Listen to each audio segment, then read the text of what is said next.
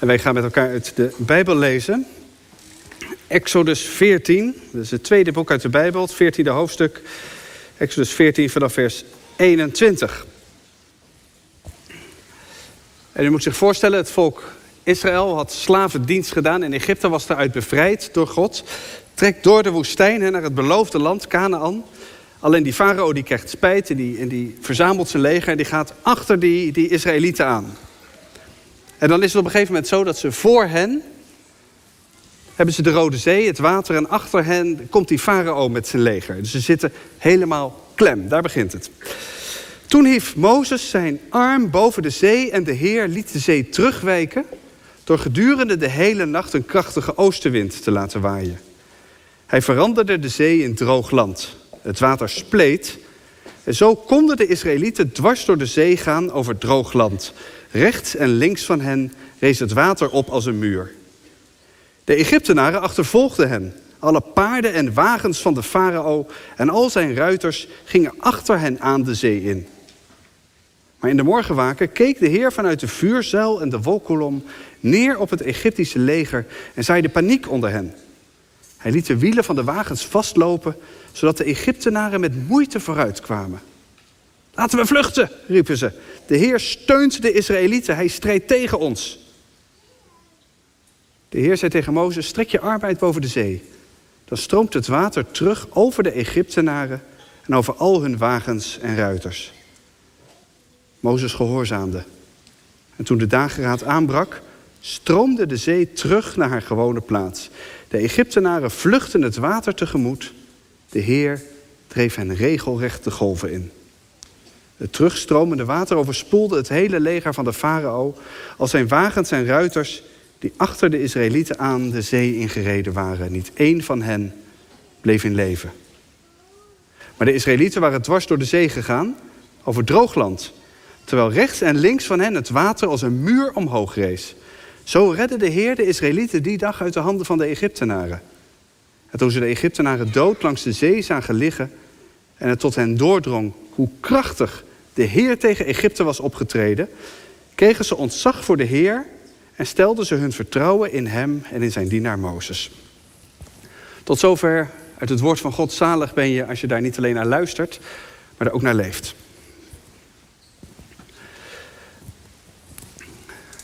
Zijn er mensen hier in de kerk die heel erg van paarden houden? Ja, ik kan me zomaar voorstellen dat je dat niet meer zo goed durft te zeggen na, uh, na dit Bijbelverhaal. Mensen die graag paardrijden, die paarden als hobby hebben, ik zie een paar vingers.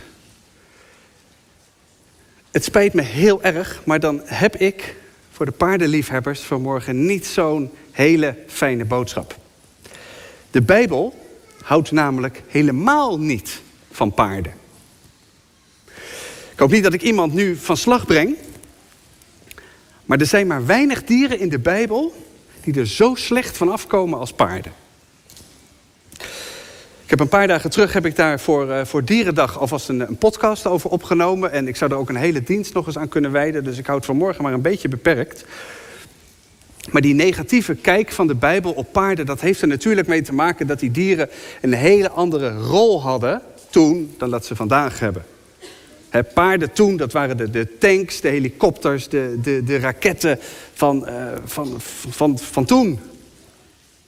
als je als koning, als je als volk iets wilde zijn, dan moest je paarden hebben. Paarden, dat betekende macht. De koningen van Israël, die mochten trouwens van God geen paarden hebben. Dat is heel opvallend. Ze mochten van alles, maar geen paarden. God verbood dat. En toen de, de, de wijze koning Salomo, die vaak helemaal niet zo wijs was, die ging de fout in, onder meer omdat hij er duizend vrouwen op nahield. Dat vond, geen, dat vond God geen goed idee. Maar ook legde hij een hele voorraad aan van 10.000 paarden. En dus kun je je voorstellen, ook in dit verhaal, wat voor rol paarden hadden in die tijd. Dat als je het hebt over de doortocht door de Rode Zee, dat die paarden er ook niet best van afkomen. Dat was als die farao, zeg maar, die wraakzuchtige, boze, gekrenkte farao, als hij de achtervolging inzet hè, van dat arme slavenvolk, wat doet hij dan? Dan trekt hij alles bij elkaar wat hij heeft, zijn paarden en zijn wagens en zijn ruiters. En daarmee gaat hij erachteraan. En God die vaagt dat Met een tsunami die, die, die niet meer is dan een veeg van zijn hand. God veegt dat weg de diepe doodzee in. Zinkt de Heer, zegt het niet, want hij is hoog verheven. Het paard en zijn ruiter stortte hij in zee.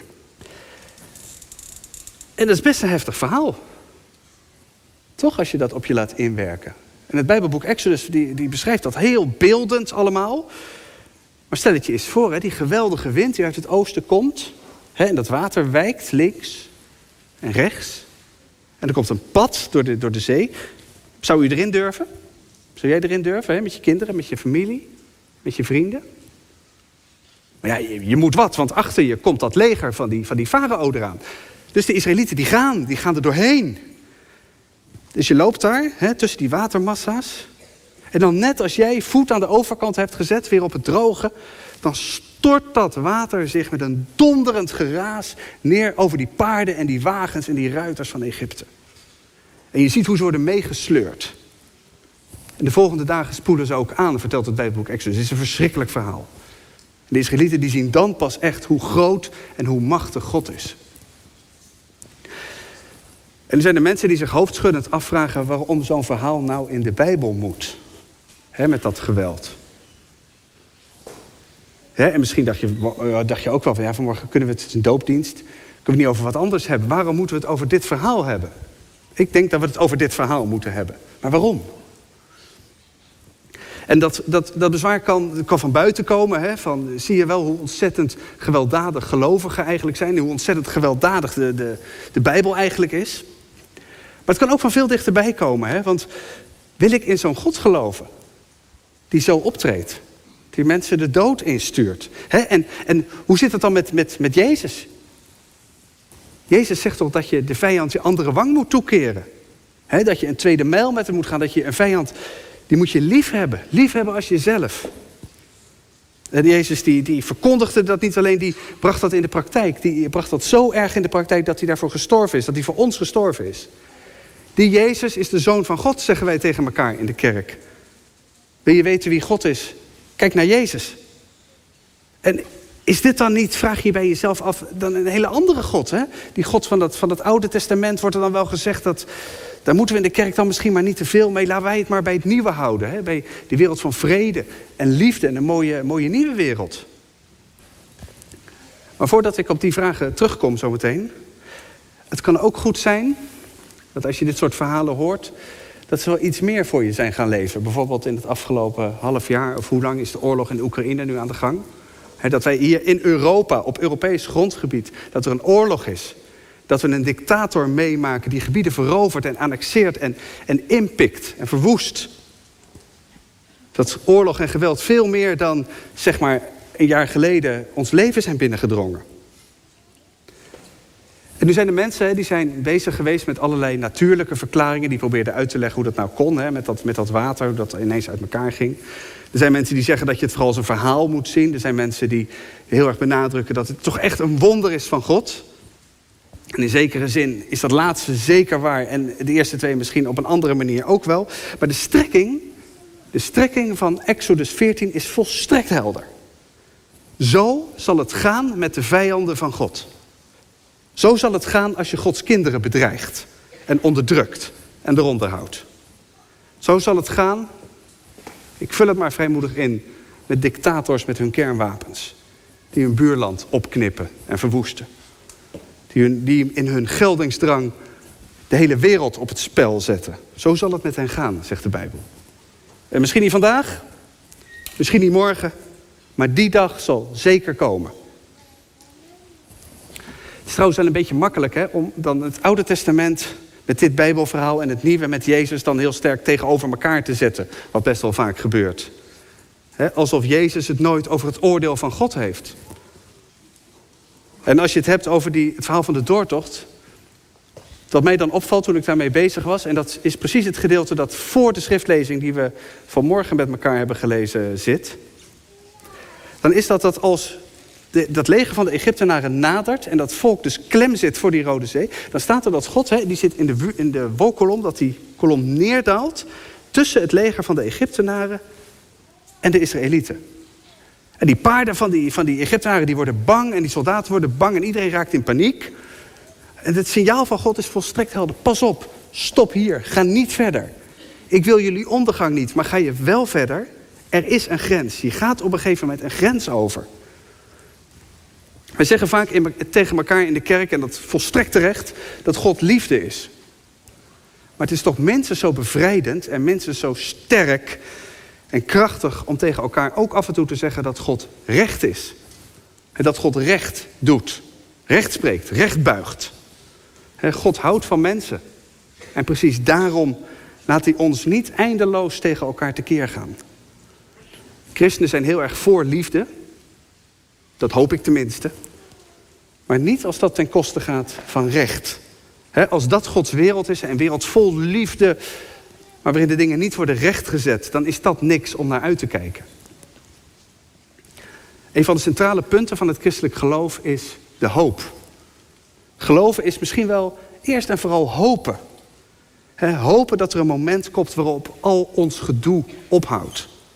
Waarop God zelf ingrijpt en alle scheefgegroeide dingen gaat rechtzetten. En de Bijbel, de Bijbel noemt dat de dag van de Heer. Dat is de dag waarop God alle wereldleiders en CEO's, maar ook u en jou en mij ter verantwoording zal roepen. En waarop God vraagt, zeg, wat heb jij nou gedaan? En als je dan een onderdrukkende Egyptenaar was, hè? en misschien waren jouw slachtoffers toch dichtbij, misschien wel duizenden kilometers ver weg, dan gaat dat zeer doen, die dag van de Heer. Dan zal er veel recht gebogen moeten worden. Er zal in onze wereld heel veel recht gebogen moeten worden. Want anders past het niet in het koninkrijk van God. Want zie, zegt de psalmdichter, want zie, uw vijanden zullen vergaan. Al uw haters zullen worden verstrooid. En voor veel mensen in het oude Israël en ook voor heel veel mensen vandaag in deze wereld zijn die haters en die vijanden bittere alledaagse realiteit. Maar toch hoef je dit verhaal, als je daar zelf niet zoveel last van hebt, van vijanden en haters en zo, hoef je dit verhaal niet meteen naast je neer te leggen. Als je dat niet herkent, God zij dank dan trouwens, zou ik zeggen. Maar ook binnenin ons zijn er heel vaak machten en, en, en krachten die ons klein houden, die ons verbieden, die ons verhinderen om te leven als vrolijke en vrije kinderen van God. Er is leed, er is verdriet, er is zonde, er is schuld, er is die kanker, de depressie dat verleden dat je maar niet loslaat. Wat verhindert jou nou, wat verhindert u nou om te leven als een vrij kind van God? En nu hebben we in de kerk een teken gekregen dat al vanaf het eerste begin van de kerk daar staat, al door de eerste christenen is verbonden aan dit verhaal dat we met elkaar hebben gelezen, van die doortocht door de Rode Zee. En dat is de doop. Want als je gedoopt bent, als kind of als volwassene, dan ben je als het ware door die zee heen gegaan. Dan ben je door dat water al heen gegaan. Dat leggen we in de kerk al, al eeuwenlang op die manier uit. En dan is er ook in dat water is al van alles achtergebleven. Alles wat je bedreigt, wat je onvrij maakt. Je slechte eigenschappen, je zonde, een verslaving, een verleden, verdriet, gemis, rouw, ziekte, pijn, en dan weet je zelf beter wat jou verhindert om een vrij kind van God te zijn dan, nou, dan wie dan ook. Dat blijft allemaal achter in het water van de doop. Dat is allemaal door een stevige laag water bedekt. De Nederlandse geloofsbeleidenis uh, in artikel 34, voor wie het wil nazoeken thuis, die noemt Christus onze rode zee waar we doorheen moeten gaan. Om te ontkomen aan de tirannie van de farao, dat is de duivel, staat er dan, en om binnen te gaan in het geestelijke Canaan. Christus is de zee die alles wegspoelt. Die scheiding maakt tussen ons en het kwaad dat ons bedreigt. En gedoopt worden, gedoopt worden, dat is dus door dat water van Christus heen gaan. En daarin alles achterlaten, alles loslaten. Alle figuurlijke Egyptenaren achter je laten. En dan met Christus weer opstaan tot een nieuw leven. Dat betekent gedoopt zijn. Als kind of als volwassene. Je hoort bij Jezus. En alles wat je in je leven nog gaat tegenkomen, of alles wat je al tegengekomen bent, in jezelf, buiten jezelf, Waardoor jij niet dat vrije kind van God kunt zijn, waarvoor je gemaakt bent, dat wordt hier weggespoeld. En wij doen dat in traditionele protestantse kerken, doen we dat keurig en uh, niet al te overdreven met besprenkeling. Maar als je wel eens een doop door onderdompeling hebt meegemaakt van volwassenen of van oudere kinderen, of van baby's, zoals ze in de Oosters-orthodoxe kerken doen, dan zie je dat teken nog veel sterker voor je. je daalt af naar de bodem en alles wat je aankleeft daalt met je mee af en je komt alleen, schoon, zonder dat weer boven. Dat doe je dus met Christus. Je wordt herboren als een nieuw mens. Dat betekent de doop. En als je nou vanmorgen deze dienst meemaakt en je bent nog niet gedoopt, dan zou ik zeggen, waar zou je mee wachten? Waarom zou je met zoiets moois nog langer wachten? Kijk, gedoopt zijn en ook je kinderen laten dopen, dat is een manier van leven. Van kijken naar de dingen die je zelf doet, de dingen die je overkomen, dat die niet het laatste woord hebben. die kleven je niet altijd aan. Gedoopt zijn is geloven dat je bevrijd kunt leven. Het verhaal van de doortocht door de Rode Zee en ook het sacrament van de Heilige Doop, die vertellen je dat de bergen niet zo hoog kunnen zijn en de, en de dalen niet zo diep en de, de dagen niet zo donker en de vijanden niet zo sterk of ze zijn al verdronken. Ze liggen al op de bodem, ze liggen al achter je. En voor je, voor je ligt het nieuwe land, hè? het geestelijke Canaan. En niet dat je daar nu al bent. Hè? En zeker niet als je nog een kind bent, dan hoop ik dat je nog een leven voor je hebt. En ook niet dat alles onderweg simpel is. Maar je bent wel vrij. En je bent op reis. Je gaat vooruit. Je zit niet vast. En als je straks in Gods armen aankomt, dan vind je daar een hemel die hier en nu in de doop al aan je is beloofd. Amen. We zullen God danken. Goede God, dank u wel. Ontzettend bedankt voor dat krachtige symbool, dat krachtige teken en zegel van de doop. Dat alles wat ons benauwd mag verdrinken en wegzinken, eigenlijk al verdronken is, toen u ja zei tegen ons. Misschien, misschien wel toen wij nog helemaal geen ja tegen u konden terugzeggen. Dank u wel dat wij zo in het leven mogen staan. Dank u met de doopouders voor hun ja in antwoord op u. Dat ze die weg willen gaan. We bidden voor hen met de vreugde en de blijdschap, maar ook met de pijn die ze meedragen. We bidden voor mensen die hier ook graag hadden gestaan en aan wie dat niet of nog niet gegeven is. We bidden voor mensen die eenzaam zijn of die kinderen heel eigen wegen zien kiezen. We bidden voor onszelf, met ons eigen verhaal, zoals wij hier zitten. En zoals we gehoord hebben, hoe u alles wat ons klein houdt laat verdrinken. Geef ons de moed en de genade om die boodschap te omarmen. Om ons niet door de zonde of het ongeloof of onze ziekte of pijn te laten weerhouden. Om die liefde van u, om daar antwoord op te geven en om mee te gaan. Naar dat koninkrijk dat u gaat laten aanbreken. Ook al zien we niet hoe u dat in deze wereld in vredesnaam kunt laten gebeuren. Geef ons dat geloof. Geprezen zij uw naam, Vader, Zoon en Heilige Geest. Nu en altijd. Amen.